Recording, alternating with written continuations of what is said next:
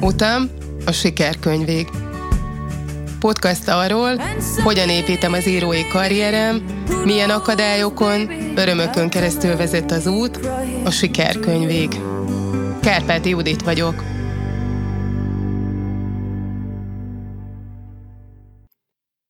Üdvözlet a hallgatónak! Ez az Utam a Sikerkönyvig című sorozatom 40. epizódja. Elérkeztünk a 40. epizódhoz, elérkeztem ezen a szeptemberi pénteken,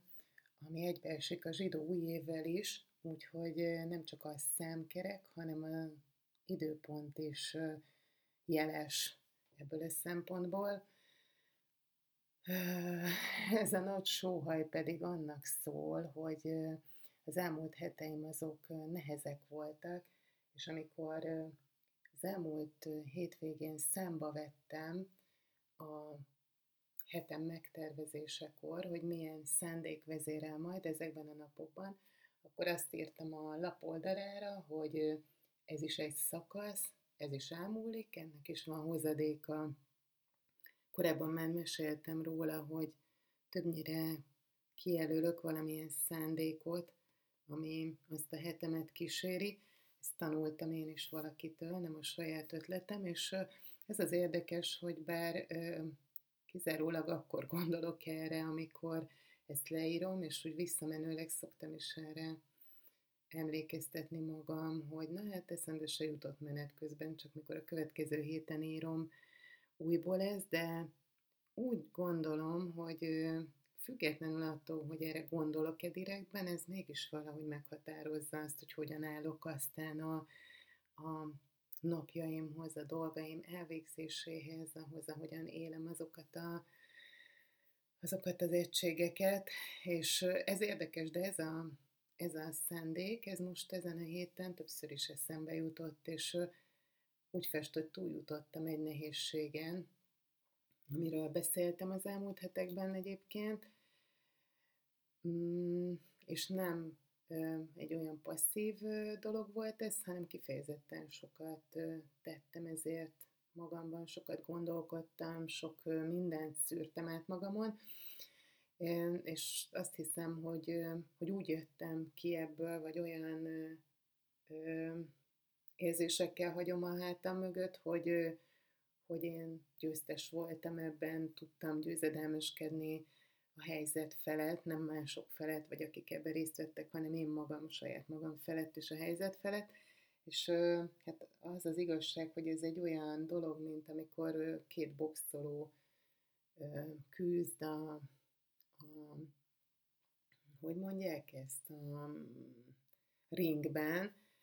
és, és igazából az, aki nyer, azt is összeverik. Ez azt jelenti, hogy, hogy nem ússza meg ő se szárazon, így aztán bár túljutottam ezen a, ezen a néhány héten, ami utána maradt, az a fáradtság. Fel kell ismernem, hogyha ekkora munkát végez valaki, és végzek én, ilyen hatalmas mennyiségű anyagot dolgoz föl, és még ennél is több a lelket érő nyersanyagot, feldolgozatlan érzést vagy impulzust, akkor, akkor ez azzal jár, hogy elfárad. és és meg kell találni a módját a pihenésnek, ami egyébként nekem kifejezetten egy fontos témám volt az elmúlt egy-két évben, hogy hogyan tartsak egyensúlyt, hogyan teremtsek egyensúlyt, és, és ennek a felismerése az, az egy külön készség, hogy nem, nem, nem hagyom figyelmen kívül azt, amit, amit az én testem és az én lelkem jelez. Mikor kérdeznek arról, hogy mit csinálok éppen, és mesélek róla, hogy miben vagyok, milyen nagy változások álltak be az életemben, milyen dolgokat csinálok, és hogy ezt csak nem olyan régen kezdtem ilyen intenzíven, és itt nem is az írásról beszélek, mert ez már jó hosszú ideje tart, hogy, hogy, hogy megtaláltam ezt a hivatást, és az is nagy változásokat hozott, ez a jelenlegi, meg még ahhoz képest is egy nagy változás hogy most már nem csak az a, az a cél, hogy, hogy írjak, hanem emellé felzárkózott egy, egy másfajta küldetés is, az, hogy, hogy felderítsem a múltat, és ennek kapcsán jobban megismerjem magam, és ezt másoknak is elmeséljem, ezáltal tanítsak dolgokat, vagy ha ez túlzás is, hogy tanítsak, de megmutassak dolgokat másoknak, hogy milyen fontos ez. Szóval, amikor erről mesélek, erről a kutatásról, erről a, erről a mm, szakaszról, amiben vagyok, akkor észrevettem, hogy azt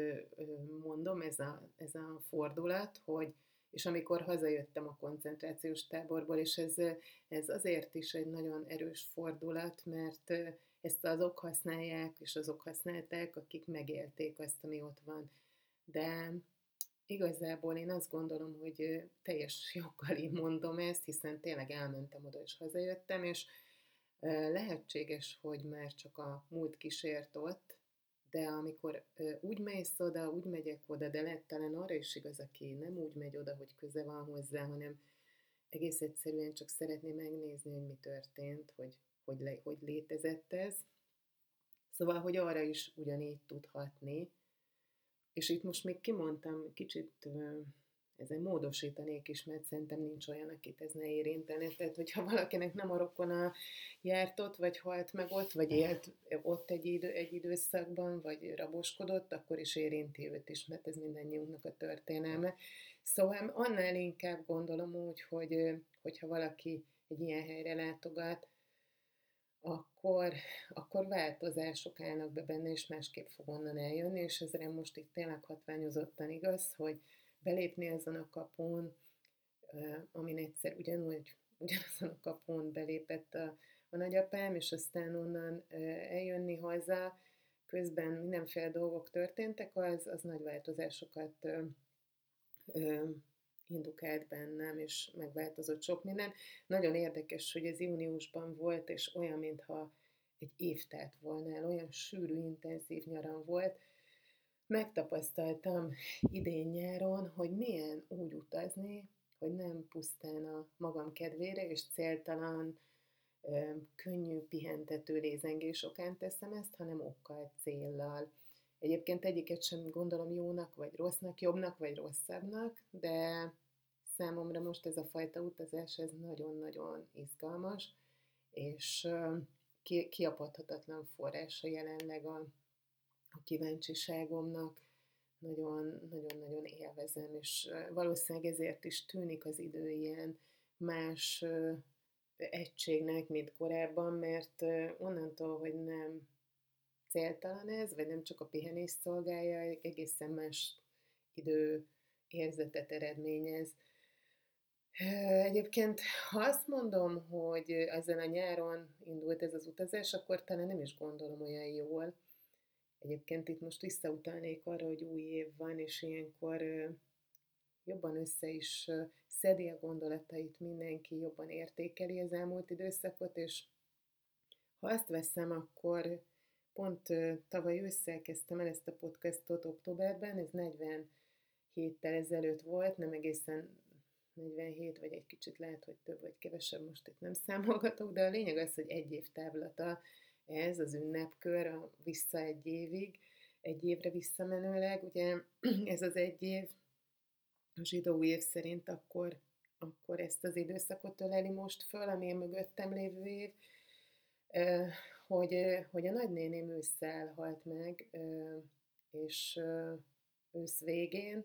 és hogy az egy nagy változást indított el az életemben. Sokat beszéltem róla, aki követi a podcastot, az hallott már a Judit nagynénémről, aki nekem csak Jutka, és meséltem róla már sokat. azt hiszem, hogy minden fontos személy családtag halála, az megmozgat dinamikákat, és egészen más dolgok jönnek felszíre. Ő egyébként történész professzor volt, tehát egy doktor eh, volt a történelem tudományok doktora, és kutatott rengeteget, és olyan, mintha átadta volna nekem most a fételt a halálával, eh, hogy, hogy most már ezt én tudom csinálni, most már nekem ehhez megvan a kellő erőm, tudásom, bátorságom, nagyon sok szálon egyébként érdekes módon ő is mindig felbukkan a kutatásomban, több fronton, több szálon. amiről majd lehet, hogy fogok is még külön beszélni. Ilyen furcsa fintora a sorsnak, hogy, hogy az utazásaim pont az ő halála kapcsán kezdődtek idén, mert január legelső napjaiban volt a temetése Németországban. Az volt az idei első utazásom, az ő temetése, és nem gondoltam még akkor, hogy vissza fogok térni még abban az évben Németországba. Idén már kétszer jártam ott. És, és olyan érdekes, hogy utána egyből jött a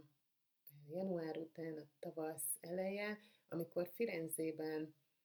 jártam, és az neki is egyébként egy nagyon szeretett városa volt, szerintem rengetegszer járt ő ott, és nagyon váratlanul ért, az egyik podcast adásban meséltem is róla, egy erős impulzus, amikor a Padovai Egyetemen jártam, mert hogy Padovába is hazafelé ellátogattunk, de aki hallgat ez erre talán emlékszik, most fel, felelevenítem, mert jó pár héttel ezelőtt volt, hogy meséltem róla, hogy Janus Pannonius szobra, ami ott a, Pan- Padovai Egyetemnek az udvaránál, hogy mennyire meghatott, és mennyire éreztette velem, hogy milyen fontos nekem a magyarságom.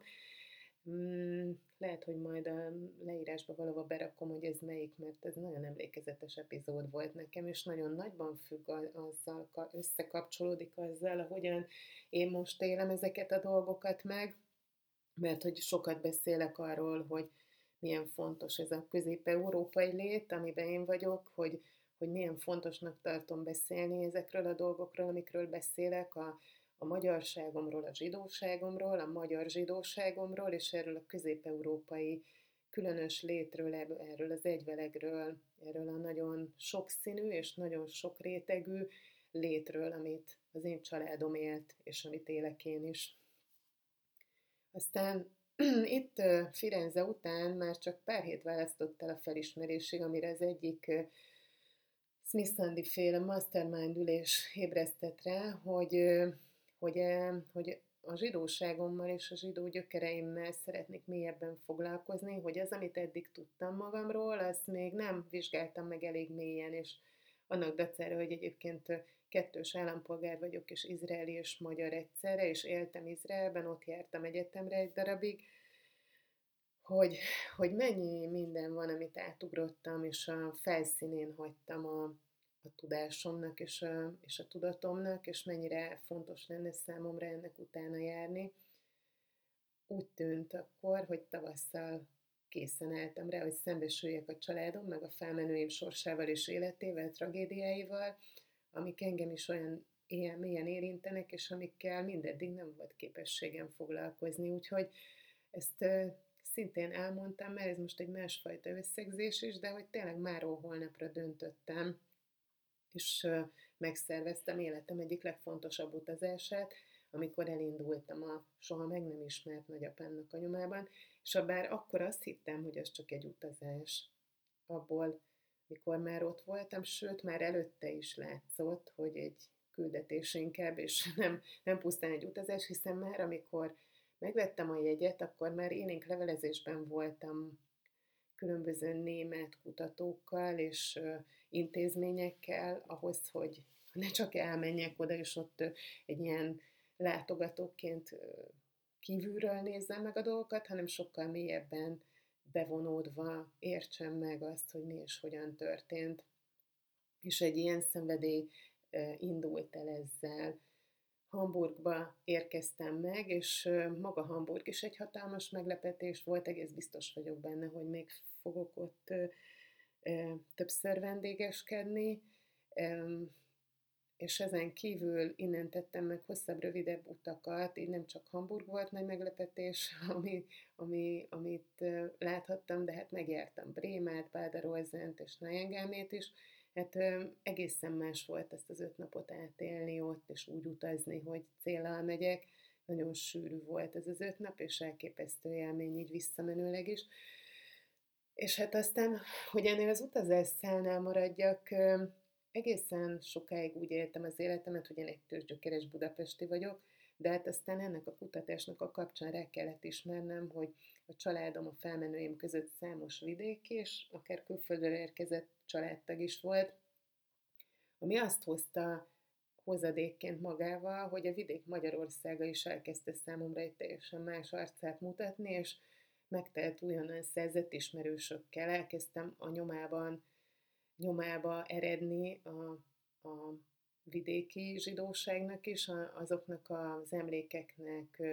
megmaradt és elveszett dolgoknak, amik, amik kapcsolódhatnak ahhoz, amit én most csinálok, tanulok. Olyan helyekre is elmegyek, e, ott olyan helyeken is vizsgálódom, amik nem kifejezetten közvetlenül a családomat érintő helyek, de kiderül, hogy igazából minden összefügg, és nem lehet így elkülöníteni. Ha tanulni akarok erről, ahhoz, hogy, hogy, hogy a fejemben összeálljon egy teljes kép, és jó könyvet írhassak, ahhoz mindenféle vetületet látni kell, és nem csak nagyon szűken a saját történetemet nézni. Így jutottam el aztán Szegedre, helyre, amit ők Saújhelnek hívnak, Tokajra, Bodrog keresztúra, és Nyíregyházára, Miskolcra, Miskolcra eljutottam Encsre. Ezek a helyek mind rengeteg zsidó emléket őriznek, de nem feltétlenül direkt, mert ezek az emberek, akik ezeken a helyeken éltek, már nincsenek, elvesztek, meghaltak el, megölték őket, kiirtották őket, viszont a nyomaik, különböző emlékeik ott vannak, és nagyon érdekes módon mindig találni embereket, akik ennek emléket állítanak, és dolgoznak azért, hogy ez ne maradjon, nem, nem veszem feledésbe, és, és ne legyen ö, mód arra, hogy, hogy, hogy eltűnjenek ezek a nyomok. Ezeket a helyeket is egészen más szemmel néztem, az épületeket, a,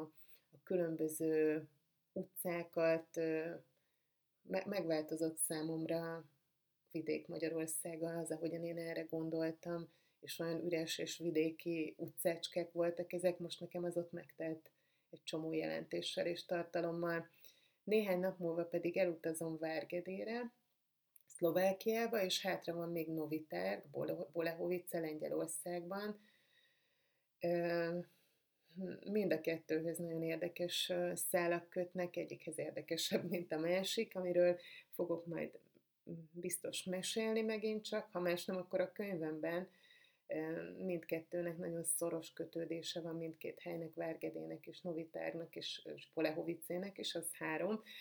az családomhoz, és iszonyatosan izgalmas ezekre a helyekre elmenni és megnézni, ami ott van, és ami ott maradt abból, ami a családom számára fontos volt. Lengyelországban már meséltem róla, hogy azért is megyek, mert tudtam, de mégse tudatosítottam magamba, hogy a nagyanyám az félig lengyel volt, a déd nagyapám lengyel zsidóként Galíciából érkezett Budapestre,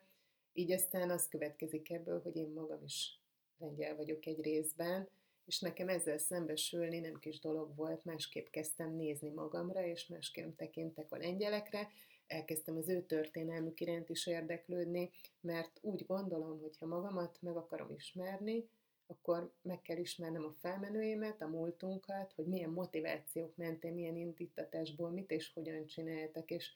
ha ezt elkezdi valaki, és komolyan veszi, akkor, akkor, akkor igazából a tudásnak a, a, akkora mennyiségével, olyan sok felfelhalmozott ismerettel találkozik, hogy úgy jár, mint én, hogy falja a könyveket, és,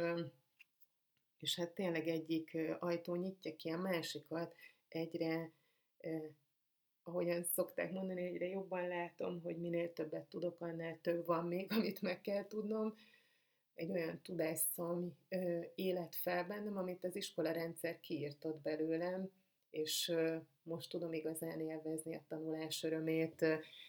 a tanulásnak, a tudásszomnak, szomnak ezt a teljesen eredeti verzióját, amit mindenkinek csak kívánni tudok.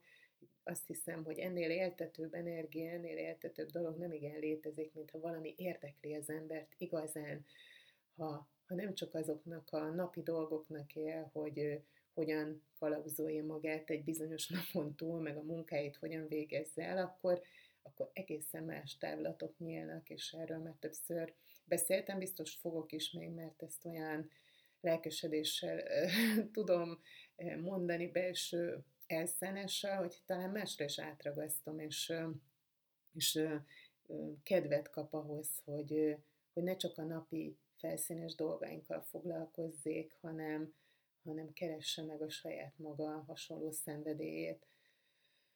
Hozzáteszem, hogy valaki mondhatja, hogy hát így belerévettem a múltba is, hogy most abszolút abban élek, de az jut eszembe, amikor nagyanyám apámnak mondta mindig, aki igyekezett kideríteni, hogy hol és hogyan halt meg az apja pontosan, hogy, hogy többet foglalkozol a halottakkal, mint az élőkkel. Mert hogy ő inkább azok közé tartozott, aki azt, ami vele történt, azt el akarta volna felejteni, és nem akart vele sem ennyit foglalkozni, legalábbis nem akart erről beszélni, és nem akart ezt folyton felidézni aminek természetesen nyilván megvannak az okai, és nagyon sokakra, akik ebben a helyzetben voltak, jellemző volt. De én mégis azt gondolom, hogy éppenséggel nem, hogy a, a halottakkal foglalkozom, ezek az emberek valaha éltek, és nem a múltba révedek, hanem azért csinálok valamit, mert ezt átviszem a jövőbe és a jelenbe, és, és muszáj ezzel foglalkozni a mindenkinek, hogy azt, ami az öröksége, amit, ami mögötte volt, azt felismerje, megismerje, és ne azt mondja, hogy nem kell a múlttal foglalkozni. Ez szerintem egy nagy butasság, hogy a múlt az már elmúlt, és valóban nem kell olyan dolgokon rágódni, amiket megtettünk, és, és azon abba beleragadni, hogy, hogy így vagy úgy ez rossz volt. Nem erről van szó, arról van szó, hogy meg kell nézni, hogy mi történt, hogy éltek emberek, mi, mi történt, milyen tanulságai voltak ennek, ennek semmi köze nincs a múltban éléshez, mert ez egy kíváncsiság, ami által magamról rengeteg mindent megtudhatok, és magunkról, mindannyiunkról, mert ebből lehet csak igazán megtudni dolgokat. Csomó olyan indítatás eredő, tulajdonság, mi minden van, ami, ami onnan érkezik, és ha nem tudjuk, hogy onnan jött, vagy föl se ismerjük, hogy bennünk van, akkor, akkor vakon járkálunk, és nem értjük, hogy miért fáj valami, vagy miért vagyunk ilyenek, vagy olyanok. Egészen más úgy élni, hogy azt, ami az ők nagyapámba volt, elképesztő vállalkozó szellem, és elképesztő innovatív szellem, kitartás és mi egyéb, az hol, hol tud megjelenni például a fiamban, hogy fel tudom ismerni, hogy hogy, hogy adtuk ezt át egymásnak mindannyian, és hogy ezek nem váratlan és új keletű dolgok, hanem belénk kivódott, és bennünk van, és hogy én is miért vagyok éppen olyan, amilyen vagyok. Úgyhogy én mindenkit csak arra tudok bíztatni, hogy ezt ne tekintse felesleges időpocsékolásnak, vagy olyan dolognak, amivel kell is foglalkozni, hanem, hanem tekintse úgy, hogy ezt magáért és mindannyiunkért teszi. Ami e, számomra pont ennek e, az egyik tanulsága, hogy nem haragudhat magára senki akkor sem, ha ezzel nem kezd el foglalkozni fiatalon, vagy nem kezdett el foglalkozni korábban. Mert e, amikor az ember ezzel foglalkozni kezd, akkor jön rá, hogy az életnek az az egyik törvénye, hogy, hogy azért nem szólítja meg a még akkor élő időseket, azért nem kezd el ezzel foglalkozni, mert a fiatalság természetéből az az önvédelem fakad, hogy erre még nincs elég ereje, nem bírhatna el egy fiatal személyiség ennyi más sorsot, ilyen sok nehezet, de ennyi szépet sem. Ez mind együtt nagyon terhelő, nagyon-nagyon nagy erő kell hozzá, és, és mindenféle egyéb tulajdonság, hogy,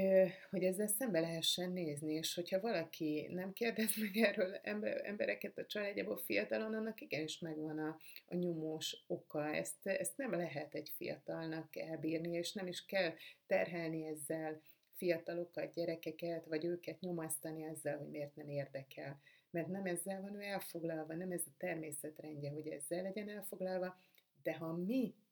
egy olyan korosztály, akinek igenis van ehhez ereje, ezt elmulasztja, akkor viszont azt is kockáztatja, hogy olyan dolgokat nem hoz a felszínre, amit már a fiatal, aki most még ezzel nem tud foglalkozni, az már nem fog tudni talán, vagy csak nagyon-nagyon nehéz és hosszadalmas munka árán ki bányászni, kitermelni olyan kincseket, természeti kincseket, családi természeti kincseket, ha ilyen hasonlattal éltek, amit mi most tudunk, és a mi dolgunk, hogy ezt felszíre hozzuk, és ő a maga idejébe kezdhessen vele majd valamit, amikor neki lesz erre már ereje, meg bátorsága. Mm, nekem nagyon nagy szerencsém van bizonyos szempontból, mert az apám valami ösztöntől hajtva ő ezt megtette. Megtette, amit tőle ezt követelt, amit őtőle e tekintetben követelt az élet. Biztos, hogy nagyobb késztetése volt amiatt, mint egy simán egy hétköznapi történettel bíró embernek, akinek nem ilyen tragikus az élete, hogy meghalt az apja mielőtt ismerhette volna, nagyobb késztetése volt erre, de úgy hiszem, hogy azért minden családnak megvan a maga nehéz története, és, és mindenhol van erre valahol valami késztetés, csak kérdés az, hogy mennyire nyomjuk el, vagy gondoljuk azt, hogy a hétköznapoknak a dolgai inkább sodorják ezt el, nem érdemes ezzel foglalkozni. Most nagyjából ennyi, ennyi ez az összegzés, amit én, én gondoltam elmondani, és, és most pedig egy olyan verset fogok felolvasni így a kicsit hosszabbra nyúlt podcast epizódom végén, ami teljesen friss, azt hiszem, ilyet nem nagyon csináltam még, hogy, hogy azt a verset olvasom föl, amit nem olyan régen írtam, és teljesen friss még, de most erre fog sor kerülni, és amíg megkeresem, addig, addig most egy kis türelmét kérem a hallgatónak, mert nem, nem voltam olyan felkészült, hogy ezt ide kerítsem magamnak. De hát ennyi türelem, az azt hiszem, hogy belefér mindenki részéről. Nem is tud mit tenni a hallgató mást, mint hallgat. Viszont most már ide jutott a keresgélésem, hogy megtaláltam, és akkor kezdődjék a vers. Képzeld már fáj. Francia sonzon, jazz, zene, zene és zene, hang és ének, amit hallgat a nagyszoba, és a függöny mögé bújva sír a por, lesz áradon boldog a napfényben fürdő levegő, a dallam épül a gyerekfülekbe, hogy felnőve a ritmus a szavakat foglalja játékba, lüktessen testben, vérben, lehessen társam, ahogyan élek, lélekben. Amit elvettek, azt kaptam. Ami nincs, az lett a van. Hiányból lendülő életinduló hányszor menekülhet meg, akiben a lehetetlen, a legtisztább való. Repülő bankjegyek, nagyobb vagyok, mint a szoba, a ház, árva gyerek gazdagsága, fényszelte napos emlékeimben boldogság, égethet más jobban, hogy gyerek vagyok és sír az apám? Befejezetlen strófák, eleje nincs albumba ragasztott képek, végződés nélküli láthatatlan léptek. Áldás az áldásod, hogy a zene felnőtt fülemben idéz meg téged, és megüzenhetem, hogy emlékszem, azt hitted, hogy nem eléggé, nem úgy, ahogy a folyton éhező benned könyörgő képlet kérte, és most, hogy dallam vagy, képzeld már fáj. Olvasd el a legfrissebb írásomat a www.kárpátiudit.com-on.